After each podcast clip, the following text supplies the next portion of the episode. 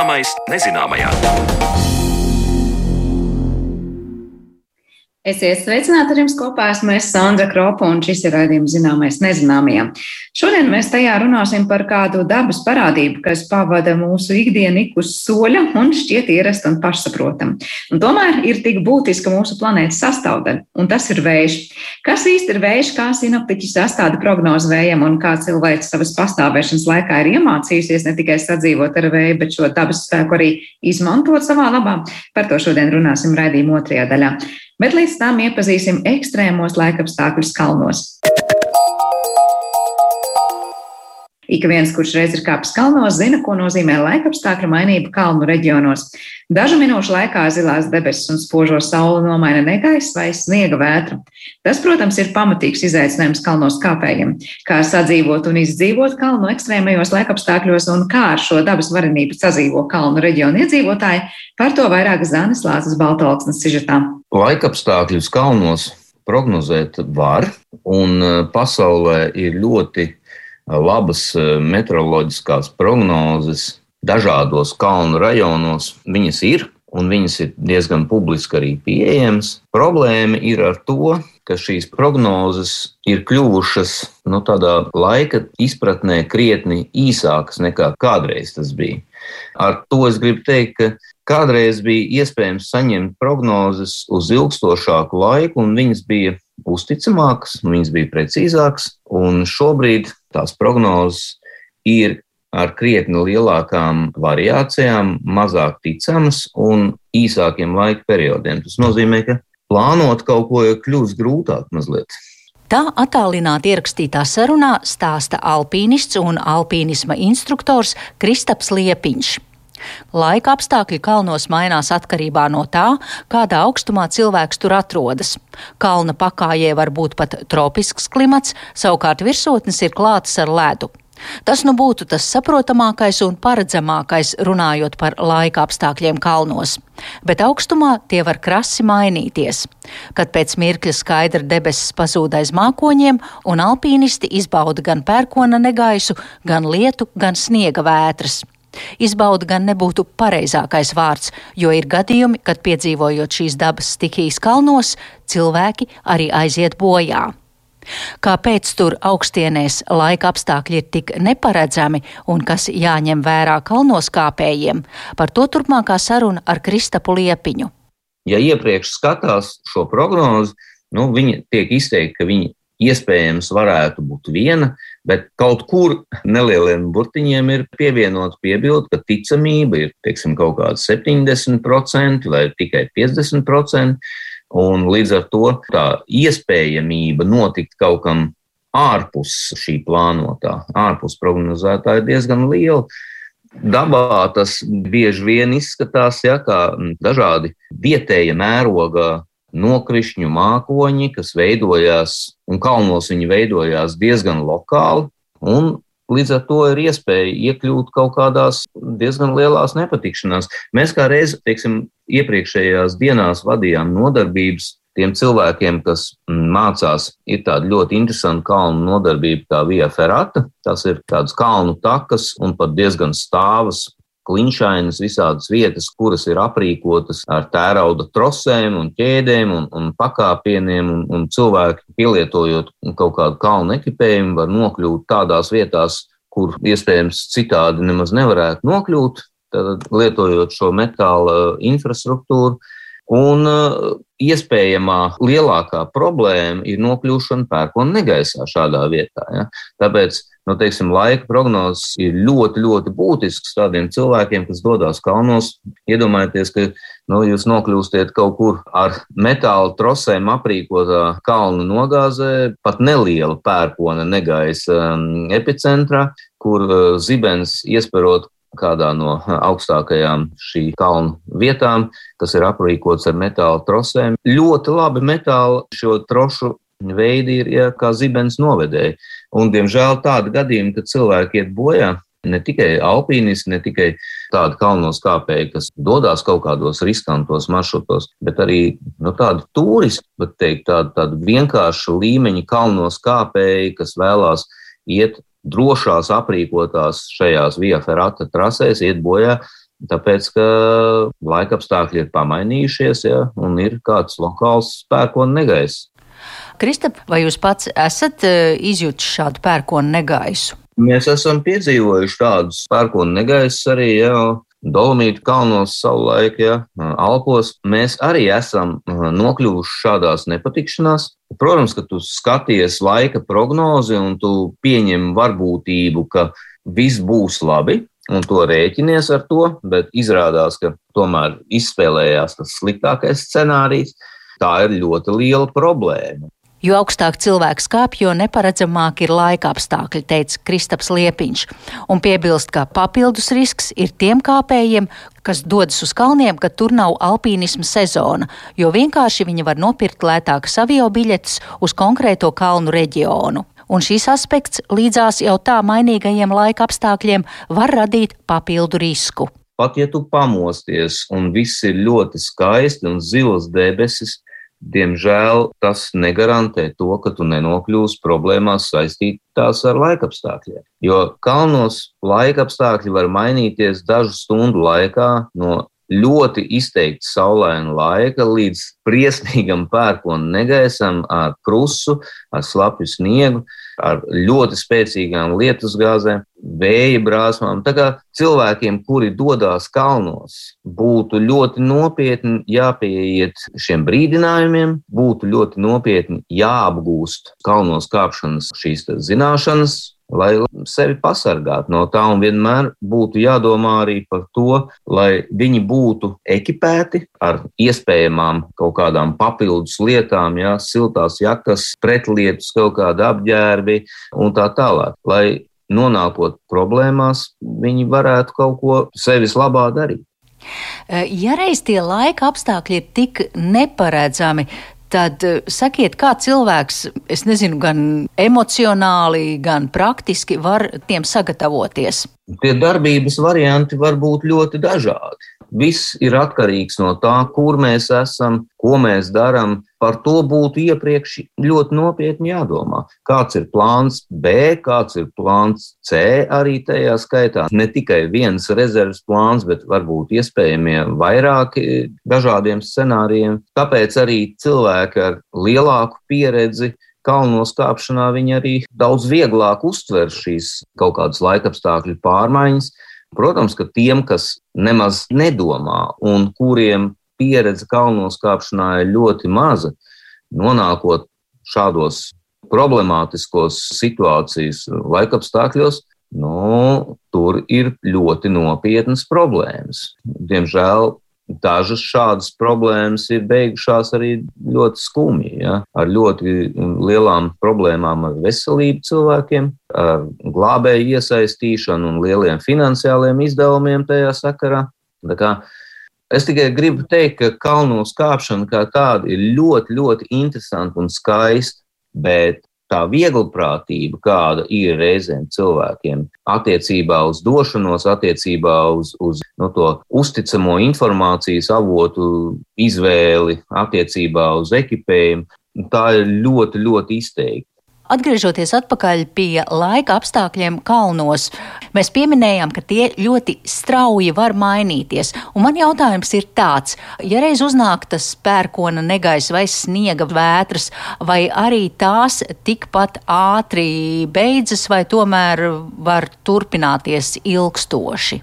Tas var ilgt arī dienām, patiešām. Ja? Tas var ilgt stundām, bet problēma ir ne tajā, ka tas tā varētu atnākt un nu, kaut kā pārsteigt mūs. Tas var radīt sekojošas Tātad soli pa solim tādas tālākajošas sekas. Nu, piemēram, ja mēs nonākam kalnos un pēkšņi tur pērkona negaisa ar, ar ļoti spēcīgu lietu, ir, kas reizēm tas mēdz atnest kopā ar sevi arī ar kaut kādu vieglu apledojumu. Tas var atnest augstuma vilni. Un, ja cilvēki nav gatavi šādam situācijas pavērsienam, ja viņi izlīst cauri slapji un nosalst, tur nebūs jautājums par to, cik tas ilgi būs cilvēkam, lai viņš nokļūtu hipotermijas stāvoklī, vajag ļoti maz. Ja viņš izlīst cauri slapšu ar augstu lietu, un pēc tam nespēja sasildīties vairs. Praktiski viņš arī nespēs kustēties. Tātad, ja viņš ir uzkāpis kalnos, nonāk problēmās un nespēja kustēties, nespēja nonākt lejā. Ja, un šādi gadījumi mēdz būt arī ļoti zemos kalnos. Tepat tās tajos eh, slavenajos tatros, uz kuriem cilvēki ļoti daudz no Latvijas brauc pēdējā laikā, iet bojā cilvēki šajos mazajos, zemajos, ļoti populārajos kalnos. Gan pērkona negaisos uz, uz šīm vieferātas, šīm metāla trosēm, ja, iet bojā gan nosalstot, gan vienkārši nositoties, kaut kur izslīdot uz, uz slapjām vai, vai apladojušām, nedaudz sniega klātām klintīm. Tā vieglprātība, es saku, ir diezgan manāma Latvijas turistu un kalnos kāpēju vidē. Un tā rada diezgan nopietnas bažas tiem cilvēkiem, kas saprot, kas tur notiek un, un jā, kādas sekas tas viss var izraisīt. Kristap, jūs esat uzkāpis kalnos teju visos eh, pasaules kontinentos un droši vien ticies arī ar eh, vietējiem iedzīvotājiem. Vai jūs esat eh, runājis ar viņiem, kā viņi ir pielāgojušies šim mainīgajam klimatam? Īsti pielāgojušies šobrīd cilvēki tam nav. Un mēs esam iepriekšējo, varētu teikt, tādu piecu, septiņu gadu laikā bijuši patiešām piecos dažādos kontinentos, kāpuši ļoti daudz, vairāk kārt, ja, pa dažādiem kontinentiem. Ceļojot un kāpjot dažādos kalnos, praktiski visur šobrīd pasaulē ir manāmi neraksturīgi sezonām laikapstākļi. Praktiski visur ir kaut kādas galējas laikapstākļu izmaiņas, un praktiski visur, kur mēs vien esam runājuši ar vietējiem cilvēkiem, visi saka, jā, līdz šim tā nav bijis, tagad ir savādāk, tagad var būt ļoti kardināls laikapstākļu izmaiņas, Tagad ir vai nu sausums lielāks, vai, vai karstums lielāks, vai kušana straujāka līdz ar to, vai nokrišņi vairāk, vai neplānotos laikos nokrišņi. Nu, viens piemērs mēs šī gada pašā sākumā bijām praktiski pusotru mēnesi gandrīz Dienvidamerikā, Atakams augstkalnē, Andu kalnu, ja, Čīlē. Mēs kāpām trijās seštūkstošnieku virsotnēs, un Vienā no viņām ja, nu, mūs pārsteidz ļoti spēcīgi lietus, sniegputenis. Tātad Atakams augstkalnu skaitās viena no sausākajām vietām pasaulē. Un nokrišņi, protams, ka tur ir, bet viņi pārsvarā ir ziemas periodā vai pavasarī runī, un janvāris tur ir vasaras vidus Čīlē. Un pēkšņi tur izsnieg vairāk kā metrs svaiga sniega. Protams, ka zemākā līmenī tas izsauc arī kaut kādus plūdu draudus šajās ielās. Nu, tas nav normāli. Ja? Bet eh, nu, ar to ir jārēķinās. Klimatiskās izmaiņas pasaulē ir ļoti reāls.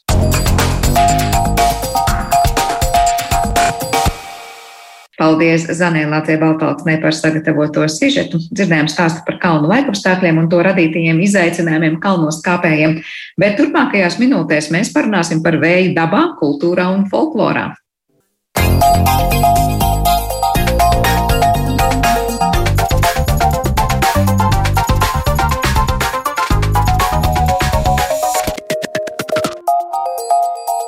Zināmais nezināmajā. Vējš ir klātesošs mūsu dzīvē ik uz soļa, un vējš nosaka to, kā ģērbsimies, kā būvēsim savas mājas. Vējš nosaka arī to, vai būs droši šodien atrasties mežā, un ir tikpat pašsaprotams kā saule lietas un gadu laiku maiņa. Un tomēr vējš ir fascinējis cilvēkus visos laikos, un to apliecina arī mūsu šīs dienas saruna, kad uz studiju esam aicinājuši vēju grāmatas autoru Hedītu Olupi. Labdien, Hedīte! Labdien! Un arī telefoniski mums pievienojas Latvijas vidas geoloģijas un meteoroloģijas centra sinoptiķa Anastasija Pišķika. Sveicināti! Sveiki. Jā, tātad mēs šodien runāsim par vēju, un ja par Anastasiju man ir skaidrs, nu tad par vēju prognozēm un to, ko mums vēju, par vēju var pastāstīt sinoptiķi, tad eh, Edīte, es sākšu ar tevi, jo vēju grāmata, kas ir nākusi klajā, tiešām parāda to, kā vēju uzlūko, es nezinu, sākot no kulinārijas un beidzot ar mitoloģiju, un ne tikai Latvijā, bet arī citās zemēs. Es sākšu ar tā jautājumu tev, par ko ir grāmata un kāpēc tev ir par vēju ienācis prātā rakstīt? O jā, vējš ir visur, un grāmata ir par visu, jo vējš tiešām aptver visu cilvēku dzīvi, gan, gan pašu cilvēku un viņa darbības izpausmes, gan dabu, un ne tikai uz mūsu planētu, bet arī citas planētas, jo vējš ir arī pūš arī uz citām planētām, un tur tas ir daudzkārt spēcīgāks par to vēju, kas uh, apmeklējis ir Zemi, un uh, nu, nevar neievērot vēju. Viņš, tas ir klātesošs. Es gandrīz pateicu viņš, man patiešām gribas personificēt šo dabas spēku, kā to darīja senāk cilvēku mitoloģijā. Nu, to nevar neievērot eh, arī ikdienas dzīvē, pat tad, ja mēs neesam īsti aizdomājušies. Nu, ak, jau nu atkal tas vējš tik briesmīgi pūš, un, un rekur labība vēlreiz sagāzis, un, un atkal vētra un veigāze, un mežs ir sapostīts, un elektrības līnijas ir pārautas un tam līdzīgi. Un tā pašā laikā. Re, vējš iepūta burās, cik skaisti aizgāja būru laiva. Vēja rādītājs sāka griezties un rādīt īsto virzienu. Uh, Vējš aizpūta uh, salnu, un, un cik skaisti var noziedēt ķirši un ābeles. Uh, tā duālā daba, nu, visu laiku cilvēks. Un joprojām tas ir tas, ko tu stāsti par duālo tieši dabā, bet tajā pašā laikā arī es domāju, nu, cik ļoti mēs uzreiz teiksim, oi, vējš iepūta burās varbūt, un vējš, nezinu, pareizais domu gājiens vai pareizais mērķis, kur virzāmies, mēs ļoti arī pārnestā nozīmē. Daudz runājam, prāta vētra, jā.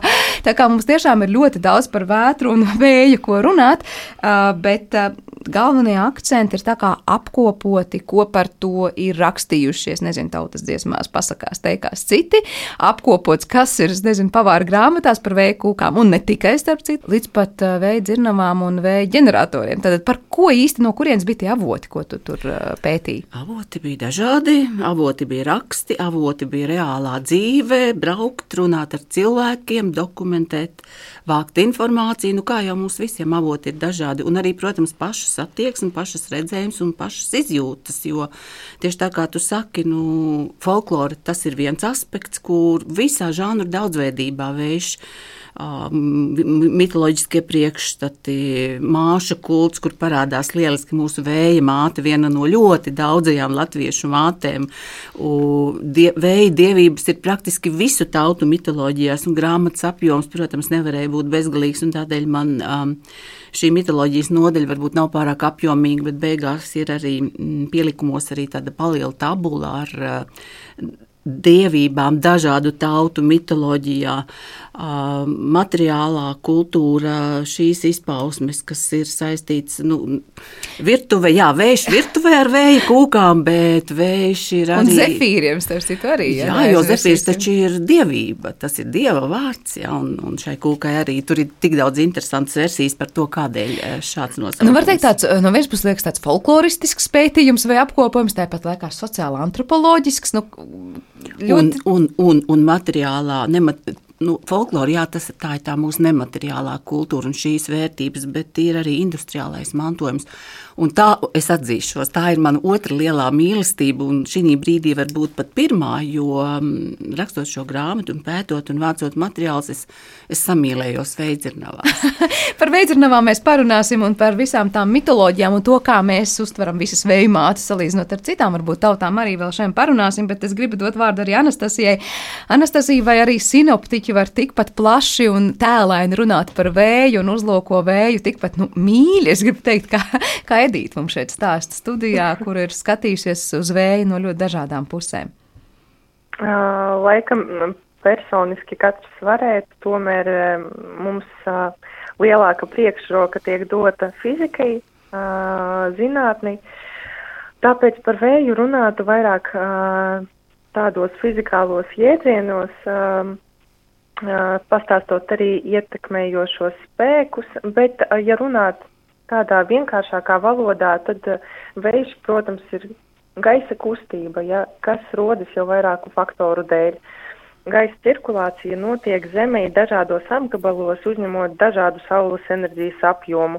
Ja tas var būt definēts gan uh, saules leņķa dēļ, okeānu vai kalnu mm, izvietojuma dēļ, jā. Un uh, tādā veidā rodas vairākas atšķirīgu temperatūru zonas. Un uh, līdz ar to, uh, ka siltā gaisā gāzu molekulas ir iekustinātas un ceļas augšu, kā mēs to redzam arī, piemēram, teikanā, ja uzvārot ūdeni, tvaiki aiziet augšu. Tāpēc um, šeit arī jau ir attēlota fizikālā īpašība, kad mums siltais gaiss ceļas augšu, pa siltās gāzes, no kurām arī veidojas ja, mūsu atmosfēra un gaiss. Un sanāk, ka gāzēm izplašoties, tās aiz sevis atstāja tādu zemāka spiediena zonu. Un jau rodas šī gaisa masu kustība, ja, gaisa kustība, ko mēs arī saucam par vēju. Uh, un sanāk, gāzēm jāpārvietojoties no augstas spiediena zonas uz zemes spiediena zonu, arī veidojas šīs vējas jau tādā horizontālā virzienā. Uh, tā kā dabā viss tiecas uz līdzsvaru, tad mēs arī redzam šo efektu, ka gāzes pārvietojas no augstas spiediena zonas uz zemo spiediena zonu. Un jo lielāka ir spiedienu starpība, ja, jo arī stiprāks ir šis vējš. Uh, tomēr tas uh, nepūš vienādi stipri un taisni no ekvatora uz ziemeļu vai dienvidu polu, ja, uh, tāpēc ir arī vēl sīkāk uh, apskatāmi, mm, teiksim tā, spēki un efekti uh, kas ietekmē vēja virzību. Jā, redz, kā tas jums deva tādu tiešām definējumu un pat tiešām simetrisku tādu schematisku zīmējumu. Domās varam vilkt tam, ko stāstīja, kas ir vējš, un tad man nedīt liekas, liekas nu, ļoti tāda fizikāla un definēta un varbūt pat tāda sveša un atsvešināta lieta. Un, lieta. un te pēkšņi jūtam, ka cilvēkiem vienmēr gribējies personificēt to vēju kopš seniem laikiem. Kā tev ir klausūt, klausīties par vēju, nu tāds ļoti es nezinu, nu, kā to nosaukt, augstas un, un varbūt tiešām tādas nu, praktiskas definīcijas. Ļoti vērtīgi, ļoti vērtīgi, jo tas jebkuram palīdz iedziļinoties šajās, šajos formulējumos, kas ir radušies gan empīriski, gan, gan, gan domājot par to zinātniekiem. Tas taču palīdz. Nu, nu, saprast lietu dabu un kā tie procesi notiek. Un man, starp citu, ja drīkst, tas Anastasija vēl vienu jautājumu arī no savas puses labprāt uzdotu. Ko rāda mūsu meteorologu novērojumi, kas Latvijā ir valdošie vēji. Protams, tas laikam būs atkarīgs no gada laika, bet tomēr. Jā, tomēr valdošie vēji mums ir dienvidu rietumu vēji, dienvidu rietumu, dienvidu rietumu, teiksim tā, ja ap to pusi tas arī ir skaidrojums ar to, ka mm, mūsu planēta griežas ap savu asi tādā virzienā, ka visas gaisa masas principā tiek pārvietotas no rietumiem uz austrumiem. Un uh, līdz ar to arī mums Latvijā, mūsu ziemeļu, uh, ziemeļu puslodē, uh, tiek novēroti vēji no dienvidu rietumiem. Bet, Klaunas, tas ir. Es pat labi izklausos ļoti savtīga, jo nevis atbild uz Sandras Jā. jautājumu, bet turpinu jautāt Anastasijai, jo es esmu noķērusi profesionāli. Um, mums ir tas teiciens, uh, Liepāja, vēju pilsēta. Bet, eh, ja es paskatos, um, nu, balstoties uz tiem materiāliem, ko es esmu vākus un analizējis un publicējis šajā grāmatā, piemēram, ko rāda mm, vietvārdi, toponīmi, tad visvairāk vietvārdu, kuru uh, saknē būtu ietverts vārds vējš, ir vidzemē kur zemē ir ļoti maz. Ja mēs paskatāmies uz tām pašām veidzirnavām, protams, tas, kas saglabājies pat labam, jo ir bijis daudz vairāk arī citos novados, tad vidzemē ir izcila ar to, ka tur ir saglabājies visvairāk. Vai tur rodas kāda korelācija no jūsu prāta? Um, nu, teiksim tā, runājot par tiem pašiem dienvidu rietumu, ja valdošajiem vējiem, es teiktu, ka uh, vidzemē Mums arī uh, ir līča piekraste, teiksim tā, virs ūdens, ja vējam ir kur ieskrieties. Tāpēc arī uh, vismaz piekrastes rajonā tur arī varētu būt uh, stipra vēja ietekme. Un, uh, kad nāk vētras, ja, ja patiešām ir tāds pateicīgs virziens, tad arī ainažos, ja, un uh, citviet arī vidzemes uh, piekrastē var būt uh, liela, liela tāda. Mm, liels manāms uh, efekts, teiksim tā, ja no vēja uh, postījumi un tā tālāk, bet kopumā uh, vidzemē mums jau ir arī augstiene, tā kā vēja arī, teiksim tā, var sisties vairāk ap turieni. Es, tā teiktu, nu, tas, tas nav tā zinātniski, protams, jā, tā mēs nosakām, bet um, Nu jā, man pašai nav nācies laikam tā izvērtēt atsevišķi, ja pēc reģioniem tādā veidā. Protams, Liepāja ir uh, uzskatāma par vēja pilsētu, jo arī tur mums uh, ir um, vieta vējam, kur ieskrieties, ja no jūras, tāpēc tur arī ir um, stiprāki vēji, visbiežāk ja jūras piekrastē, bet es arī domāju, varbūt līdz ar to, ka tur tie vēji bieži ir patiešām daudz stiprāki, ja mēs arī darbā mēdzam bieži celt uh, vēja brīdinājumus uh, tieši piekrastes rajoniem tajā brīdī, kad uh, citviet Latvijā tik stiprs vējš nepūš. Varbūt arī tāpēc uh, kurzemē mm, nav tik bieži varbūt uh, pieminēts vējš tādā ziņā, varbūt ar viņu saista varbūt vairāk kaut kādas negatīvas sekas līdz ar to, ka tur biežāk tiešām notiek vētras. Īstenībā Edita man te nu, nozaga jautājumu par to, kas ir Latvijas vējienākā pilsēta, bet es Anastasijas atbildēs sadzirdu, ka patiesībā nu, mēs nevaram pateikt, lūk, tieši tikai Liepāja vai tikai kāda cita. Stāsts ir par to, ka Liepājā tiešām tas vējš būs spēcīgs un tur būs, kur tam ieskrieties, bet tikpat labi tam ir, kur ieskrieties arī vidzemē. Es pareizi saklausu. Nu, vidzemē, teiksim tā, vidzemes piekrastē, jā, jā pašā piekrastē. vidzemē jau netik ļoti, jā, jā, mm -hmm. piekrastē, protams. Jā. Savukārt Anastasija tikko teica, Edīt, to, ka, nu, iespējams, tur ir tāda negatīvāka attieksme pret vēju, teikt, pašā vidzemē, varbūt saskars vairāk ar kaut kādu draudīgu. Kā ir, kā Latvijā mēs tomēr uztveram vēju? Tas ir tas mīļais, labais, palīdzošais, vēja māte palīdzēs, vai tas ir tas draudīgais un sliktais? Ir gan, gan, absolūti, gan, gan, ja vējmāte, tad, protams, cienījamā matrone, ja, nu, mums jau tas māšu kults ir bijis ļoti izteikts, tas mūsu Amazonas, ja tā skaitā arī vējmāte, uh, kur ir jārespektē, jo, nu, es nevaru ietekmēt šo dāmu, viņa būtu, ja, varbūt jauka, mīļa, folklorā viņa tur aijā putnus, šūpo un žūžo, Bet tad, kad viņai gribas kārtīgi izskrieties, tad viņa skrien pa koku galotnēm, saplēš savus lindrakus, un tad viņa sēž un lāpa. Bet vējmāte ir arī dēli, četri parasti un katram ir sava daba. Un, un, un tie, Tas tās debesu puses, no kurām pūš vējš? Nu, pamatā, domāt, jā, jā, jā.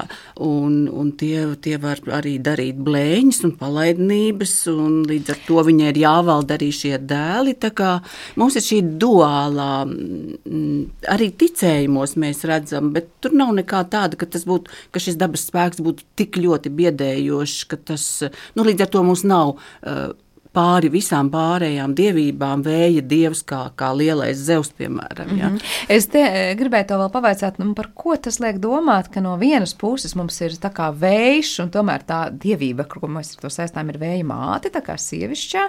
Tāpat laikā mēs to vēja dažādo dabu pierakstam pēkšņi viņas četriem dēliem, kas savukārt ievies, iemies atkal to maskulīno varbūt, un es nezinu, to skarbo. Mm, es iedomājos par dienvidu tautām, nu, kur, piemēram, par sauli ir pilnīgi atšķirīga atkal, nezinu, veids, kā runā un uzskata nekā pie mums. Ja, nu, ja mums ir saulīte un mēs pat viens otru varam nosaukt kā mīļvārdā saulīte, ja, tad es nevaru iedomāties, ka tādā Grieķijā, kur pirmkārt saule ir vīriešu dzimtas vārds, kāds kādu uzrunāt mīļvārdiņā saistībā ar sauli, tas vienkārši nav iedomājami. Par ko liecina, kā mēs to vēja dievību uztveram? Kāpēc Bet, mums tur ir tās abas dabas? Tā atbilde varbūt arī saistīta mazliet arī ar to, ko tu minēji par dienvidu zemēm un par to, kā saule ir vīriešu dzimtē.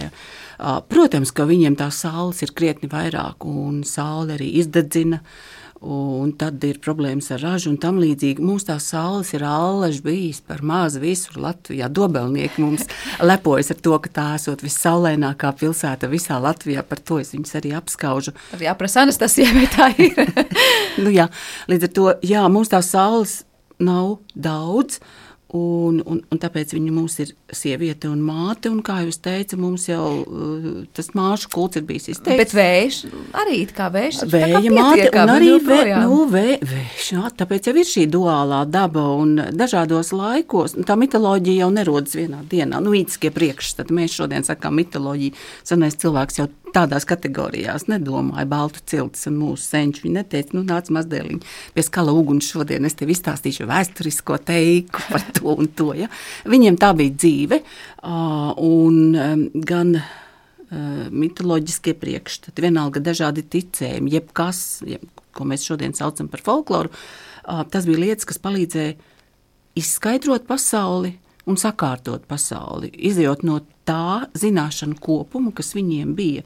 Kādēļ tas bija nepieciešams? Nu, taču, lai justos daudz maz droši, ja? nu, lai veidot šīs robežas robež šķirtnes savs un svešs, šī ir mana pasaule, šī ir mūsu vide, to es varu ietekmēt, un aiz tās robežas ir tā svešā pasaule, kur ietekmēt man ir daudz grūtāk, bet es centīšos un domāšu un mēģināšu, un mēģināšu pierunāt to vēja māti, nepūst tad, kad nevajag. Un, un, piemēram, ja runā par dažādiem Latvijas novadiem un par to, vai kurzemē tur ir vai nav negatīvi, nē, tur ņemot vērā to, ka cilvēkiem viena no galvenajām nodarbēm bija zvejniecība, bija ļoti svarīgi kāds vējš.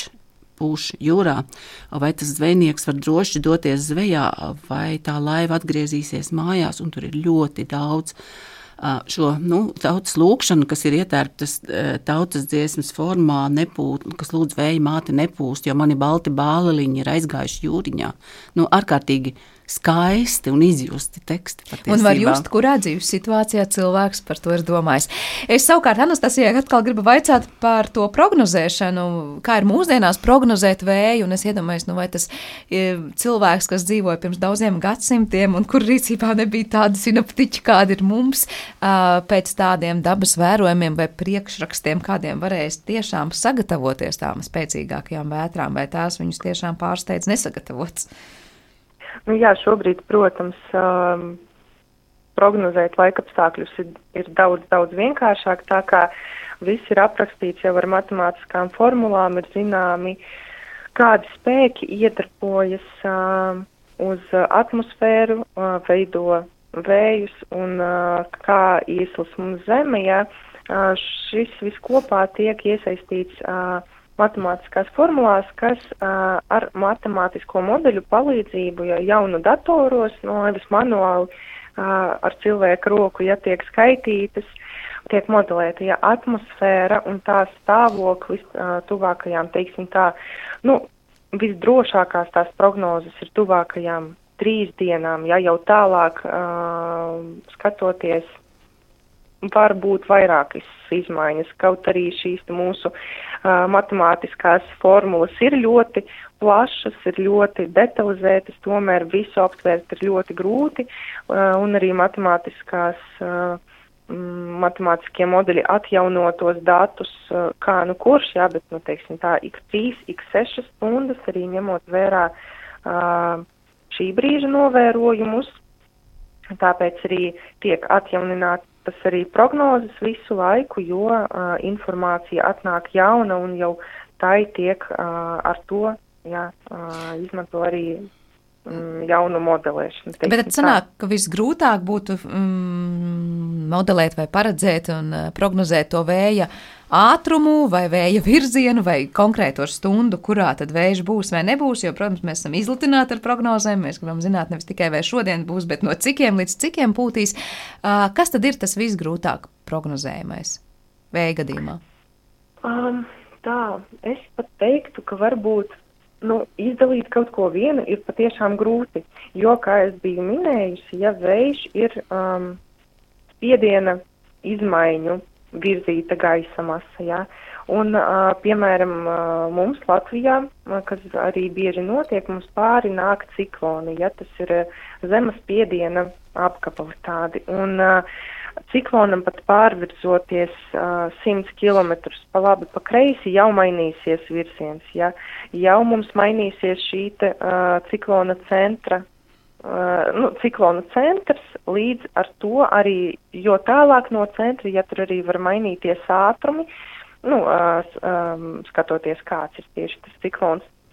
Bet, ja, piemēram, tādā gadījumā ciklonam vienkārši bišķi nomainot trajektoriju, mums jau mainīsies virziens, tāpēc tas arī varētu būt grūti. Tomēr tuvākajām, teiksim tā, divām dienām, mm, ja tur jau prognozes ir uh, ļoti ticamas, mm, varbūt grūtāk būtu pat uh, tādos gadījumos, kad mēs vēju pieminam uh, ar negaisiem, ja, jo uh, stiprām brāzmām, krasām brāzmām ratoties zem negaisa mākoņa, uh, mēs varam zināt to stiprumu, bet daudz grūtāk būs ar izvietojumu, jo negaisa mākoņi aug ļoti ātri, tās var būt pat 20 minūtes, ja, un tad tas negaiss attīstās ļoti ātri, un šādos gadījumos patiešām būtu grūti ar izvietojumu, pat ja tā prognoze ir tuvākajām trīs stundām. Jā, tā kā negais var tiešām sabiezināt krāsas un daudz ko izmainīt, jā, negaidīt. Jā. Kā ir par tiem veidu darbiem, kas ietekmē mūsu ainavu? Tēt, ka Anastasija jautājums par klimatu un ainavas izmaiņām mēs varam teikt, ka Latvijā mēs izteikti redzam, ka to ir veidojis vējš. Tikai vēja ietekme tādā ziņā mums laikam visvairāk manām jūras piekrastē, vietām arī līča piekrastē, protams, uh, mums ir slīpās priedes. Jā, ar tiem mūsu dienvidu rietumu, rietumu vējiem uh, patiešām uh, piekrastē augošie koki, ja jau liecas bišķiņu vēja ietekmē. Uh, tomēr, um, kas varbūt ir aktuāls, um, nu, nu, jā, pat nevaru pateikt pēdējos gados, bet nu vienmēr ir um, stāvkrastu uh, noskalošana, jā, bet uh, šeit, protams, jau vētru laikā ūdens tiek uh, piesis tuvāk krastiem, jau un tad jau krasti tiek uh, skaloti, bet uh, bez vēja tas arī, protams, nenotiktu. Uh, Citviet arī par piekrasti vēl runājot, jāmin arī ceļojošās kāpas. Varbūt uh, tagad uh, tas jau nav tik aktuāls jautājums, jā, bet, nu, pagātnē ir arī mm, informācija ja, pieejama par uh, vairākiem iegrimušiem uh, smiltīs ciematiem. Tāpēc, protams, agrāk šī bija patiešām tāda asa problēma. Uh, šobrīd mm, vēja ietekme var būt vēl manāma, nu, patiešām jau, uh, kā pieminēju, negaisus, jā, bet tā ir tāda īslaicīga ietekme, kad uh, tiek izpostīti meži, ja tiek pārnēsāti priekšmeti pa gaisu vai arī varbūt norauti jumti. Bet um, tā par ainavu runājot patiešām vismaz uh, cik no savas uh, profesijas, ja uh, skatoties, um, nav tik liela tā ietekme, nav, mm, kā nu nosaukt, kaut kāda Latvijas varbūt ainavu definējoša, ja ietekme dominējoša. Uh, Vienīgi, ko vēl varu pieminēt, arī varbūt par ko tā parasti neaizdomājamies, bet, manuprāt, arī Edīte jau kaut ko minēja par tornādo, ja to, ko varam redzēt ar acīm, kas nav tik bieži sastopams bet interesants virpuļstabi vasarā vai arī vēlnas lotes pavasarī. Ja. Kā arī tagad pavasarī ar vēju tiek pārnēsāti putekļi, Un mm, cilvēkiem, tīpaši, kuriem ir alerģija, šis ir tāds um, grūts laiks, es teiktu tā. Jā, vēl viens vēja nedarbs no vienas puses, var teikt, ir definēts. Jā, uh, bet savukārt par tiem vēja darbiem un tas, kā mēs esam mēģinājuši likt vēju pie darba, ja tā var teikt, tad Edīte sarunas noslēgumā man tev jautājums, kas ir ar tām vēdzirnavām, kāpēc tu viņās tik ļoti esi, kā tu pati teici, iemīlējusies šobrīd, un vai tu redzi kaut kādu saistību tajā, kā savulaik, nu, uz vēdzirnavām lika liels cerības, kā izmantot vēju savā labā tā šobrīd par vēja ģeneratoriem un vēja parkiem, ja mēs runājam par atjaunojamo enerģiju. Šaubu nav. Nu, kāpēc tieši veidzinās? Nu, redz, nu, ar to iemīļošanos jau tā ir. Nu, nu, pajautā jebkuram cilvēkam par otru cilvēku, kādēļ. Ja? Nu, tur nav šīs racionālās atbildes. Mēs varam runāt par tauriņiem, vēderā, es nezinu, sirsniņā. Prātā, visur. Ja? Un tad, nu, tad ir tas, tā, ir tas uzzipsnījums, un, ir, un tu saproti, ka ir. Uh, Jo nu, nav jau tā, ka es agrāk nebiju dzirnavas redzējusi. Ja, protams, gan brīvdabas muzeja dzirnavas, gan, gan tās pašas mm, āraišu un uh, nu, vairākas. Ja, bet, uh, nu, jā, nu, vēsturiska būve. Ja, tad, tad tas notika, tas vienkārši notika. Un, un, un tādēļ man, protams, vispilgtāk ir palikusi prātā man, mans pirmais apzinātais randiņš ar veidzirnavām. Tās ir pastaru veidzirnavas riebiņu novadā, prēļu pusē, un es braucu lūkoties. Kāpēc tieši tās? Oh, man grūti pateikt. Kaut kā es tur biju izplānojis kādu braucienu un sapratu, ka tas varētu būt, nu, ja ne gluži pa ceļam, tad tā ļoti ērti. Un droši vien tāpēc arī izvēlēts bija tāds mierīgs atvaļinājuma laiks, augusts kad ir nopļauts un novākts siens, kad ir ataugusi zāle, tas attāls, un tas ir tas augusta vasaras otras puses piesātinātais skaistais zaļums, majestātisks kalns, dzirnavas, koši zilas debesis, saule, fantastiska diena ir, un es braucu, es nāku, un ir, un jā, un ar to es arī tiku nopirkta, un tad jau tā, tālāk tā informācijas vākšana un pētniecība notika ļoti apzināti. Ir kaut kas tāds, ko tu pati uzzināji, ko tu tam nezināji par to, kā tās veidzirnavas vai nu lietoja, uztvēra, būvēja? Jā, protams, es daudz ko jaunu uzzināju, un, un arī ne tikai uzzināju, bet arī guvu apstiprinājumus kādiem saviem līdzinējiem pieņēmumiem. Un, un tas, par ko daudz saka, es arī sūkstos, protams, kā cik žēl, ka aizlēcas postā, ka mūri drūp, ka akmeņi gāžas lejā, un šo to var saglabāt, šo to nevar saglabāt. Jā, man ir žēl, protams. Jā, mēs lieliski zinām, ka Tad, kad parādījās elektroenerģija, kad šos dzinējus varēja darbināt ar elektrību, tad uh, tu vairs nebija atkarīgs no tā, vai vējš pūtīs vai nepūtīs, vai tu varēsi savus graudus samalt, vai tu varēsi tos, tos baļķus sazāģēt un tā tālāk. Tas ir objektīvi. No otras puses, uh, Nu, vai mums bija tā vērtības apziņa, ka to vajadzētu saglabāt, kā to dara piemēram holandieši, kur veidzināmas ir UNESCO mantojuma sarakstā iekļautas? Uh, Vēl atcerēsimies to iemeslu, ka, diemžēl, mums pāri ir gājis padomju laiks ar šo absolūti brutālo attieksmi, arī pret šo industriālo mantojumu, un ir ļoti maz tādu dzirnavu, kuras tika nu, mēģināts, vismaz cilvēki centās saglabāt. Varētu saukt. Saraksts ir gana garš, bet visi šie cilvēki un šīs dzirnavas ir minētas arī grāmatās, starp citu ar visiem QR kodiem. Tā kā ņemam telefonu, aplikāciju, ieskanējam, paskatāmies, kur tas viss ir kartē. Bet, uh, Jā, un tad, tad par to padomu laika postījumiem nu, šie stāsti ir uh, diezgan dramatiski. Nu, blakus ir kolhoza padomus priekšsēdētāja māju, to vajag kurināt, malka nav sagādāta, ko dara plēš ārā dzirnavu iekārtu, koka zaģē un nokurina. Nu, šādi nežēlīgi stāsti ir gana daudz, dzirnavas pārvērstas tāpat kā baznīcas par kaut kādām noliktavām un tam līdzīgi, un tad pašā laikā es gribu teikt, ka ir maz šādu cilvēku, bet ir mm, cilvēki, kuri cenšas uzturēt un saglabāt dzirnavas, un ne visiem ir izdevies, un ne visiem ir iespēja to pārvērst arī par peļņas avotu un izveidot kādu pelnošu biznesu, lai uz, jo dzirnavu uzturēšana nav lēta. Uzpūš vējš, nolauž spārnus, sarauj audeklu. Tā kā visu cieņu un mans lielais, lielais paldies šiem cilvēkiem. Jā, savukārt man lielais paldies, Edīte, tev par to, ka tu esi aktualizējis vēlmi paskatīties uz to pašu vēju no dažādām pusēm. Uh, tas, par ko Anastasija stāstīja, var teikt par vēju, ko mēs sastopamies ikdienas, un tiešām mēs vairāk esam atkarīgi no tā, nu kāds tas vējš šodien ārā pūš, vai augsts vai silts, bet uh, tas, ko tu esi apkopojis grāmatā, ir tiešām tāds ļoti plašs skatījums uz to, kāds tad vējš un cik svarīgs tas ir bijis mums šeit dzīvojošiem visos laikos. Tā kā liels paldies par šo sarunu, es atgādinu, ka vēju grāmatas autora Edīta Olupa, kā arī Latvijas vidas geoloģijas un meteoroloģijas centra sinoptiķa Anastasija Pišķika bija šodien mums telefoniski arī klāt šajā sarunā. Paldies, Anastasija, par eh, kopā būšanu šajā raidījuma pusstundā. Ar to arī raidījums ir izskanējis un par to parūpējas producenta Paula Gulbinska, bet mūzikas redaktors šajā stundē bija Girds Bišs. Es, Sandra Kroperms, biju kopā šajā stundā studijā un ceru ar jums tikties arī šajā pašā laikā rīt. Visu labu!